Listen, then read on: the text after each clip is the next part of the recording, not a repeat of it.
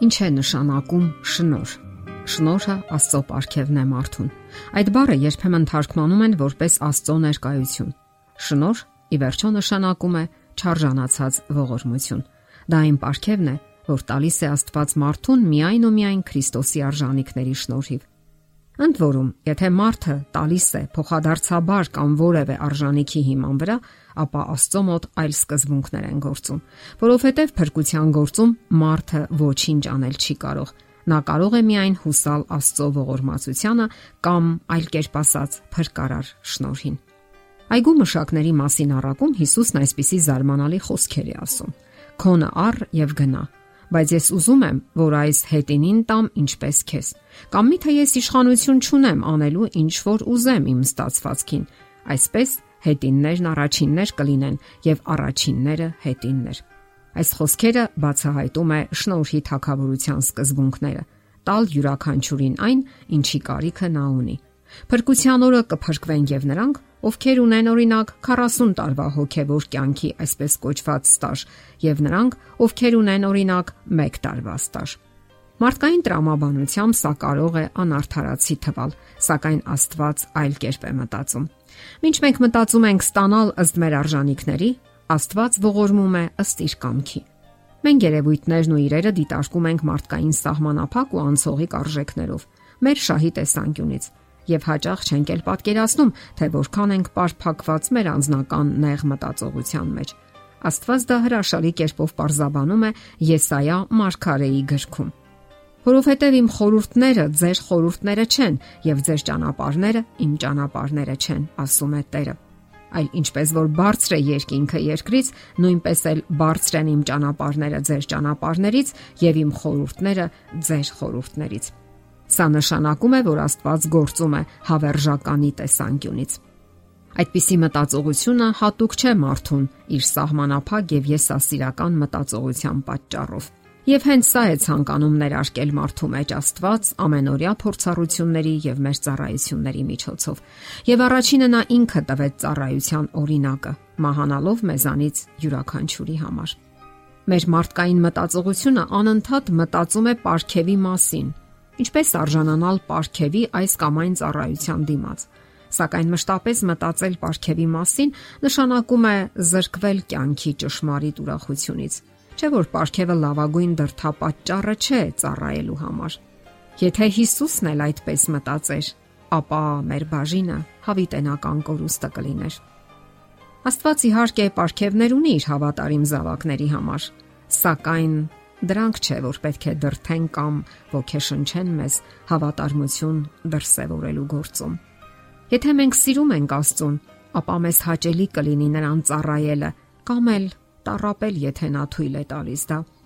Մեծ մխիթարություն է իմանալ, որ խաչից կախված ավազակը, որին տեսավ Հովանեսը Գողգոթայում, կարժանանան նույն հավերժական կյանքին, ինչ եւ առաքյալը, ով 70 տարի ծառայեց Տիրոջը եւ վերջում էլ ակսորվեց Պատմոս կղզի։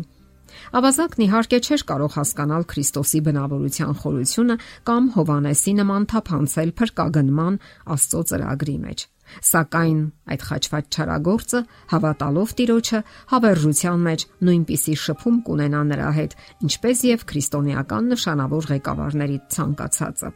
Խաչի վրայի ավազակը իր խաչվելու օրը դարձավ Աստծո ընտանիքի անդամներից մեկը, որտեղ բոլորը մեկ հայր ունեն եւ կապված են թե նրա եւ թե միմյանց հետ սիրո եւ համերաշխության հանգույցներով։ Այդ ընտանիքում թակավորում է շնորհքը Այդ ընտանիքն է շնորհքի թակավորությունը, որտեղ գործում են ողորմության սկզբունքները։ Ահա թե ինչու մենք չպետք է չափենք Աստվածային անսահման շնորհքը մարդկային սահմանափակ պատկերացումներով եւ չպետք է չափենք Աստվածայինը մարդկային թվաբանությամբ։ Աստծո համար միակ չափանիշը սերն է, որը սահման չի ճանաչում։ Այդ սերն էր, որ աշխարհ ուղարկեց Աստծո որդուն, որպիսի տա իր շնորհքը, բաժանի անհատույց եւ փոխարենը ոչինչ չպահանջի։ Աստուն հետ ակրկրող միակ բանը մեր հավերժական փրկությունն է։ Հիսուսը եկավ այս աշխարհ հաստատելու այստեղ շնորհի իր թակավորությունը։ Նա հրճակ չունեցավ կրոնական առաջնորդների մոտ միայն այն պատճառով, որ իր լուրը շոշափում էր եւ խոցում նրանց։ Նա գիտեր եւ նրանց մտքերը եւ ճանապարի վերջում իրեն սпасող խաչը։ Այդքան արժեր շնորհի գինը եւ նա պատրաստակամությամբ վճարեց այդ գինը։ Նա հաստատեց այստեղ եկեղեցիները, շնորհի սրահները, որտեղ մարդիկ ճանաչում են ճշմարտությունը եւ կապվում միմյանց սիրո, բարեկամության եւ փոխադարձ հարգանքի հանգույցներով։ Այդ սրահներում պետք է թակավորի ծառայելու հոգին, այն հոգին, որով առաջնորդվում էր իրենց փրկագնող Տերը։ Իսկ փրկության ժամանակ չեն չափելու մեր արժանինքները կամ գործերի թվաբանական գումարը, այլ Աստծո անչափելի ողորմությունը։ Իսկ մենք միայն հանձնում ենք մեր կյանքը նրան եւ թույլ ենք տալիս առաջնորդելու այս կյանքի բավիղներով եւ ընտրում ենք ծառայությունը։ Այդ ծառայությունը սիրո ծառայություն է, ցնծության ծառայություն, գալիք հավերժության մեջ տիրոջը փառաբանելու եւ երկրպագելու ծառայություն։ Եվ բոլոր նրանք, ովքեր ընտրում են այդ ծառայությունը, դառնում են շնորհի թակավորության հպատակները։ Աստված հավասարապես է ապարգևում իր շնորհը բոլոր ընդունողներին։ Եկեք ուրեմն հենց այսօր ընդունենք նրա հրավերը եւ ծառայենք Տիրոջը, որպես մեկ թակավորության շնորհի թակավորության անդամներ։ Խոսքս ավարտեմ Հովանես Թումանյանի խոսքերով։ Ոչ հանգիստ հոգիս, իզուր չէ ոչինչ, ոչ ծիլ ու ծաղիկ, ոչ արևը ջինջ, ոչ խոսքը հանճարեղ, ոչ երգը քնքուշ, կամ մեծ ու զվարթ իմաստուն մի ուշ, որ մութ աշխարհքից ստանում է մարդուն դեպի լույս աշխարհ, սեր, եղբայրություն։ Եթերում է ղողանջ հավերժության հաղորդաշարը։ Ձեզ հետ է Գեղեցիկ Մարտիրոսյանը։ Հարցերի եւ առաջարկությունների համար զանգահարել 033 87 87 87 հեռախոսահամարով։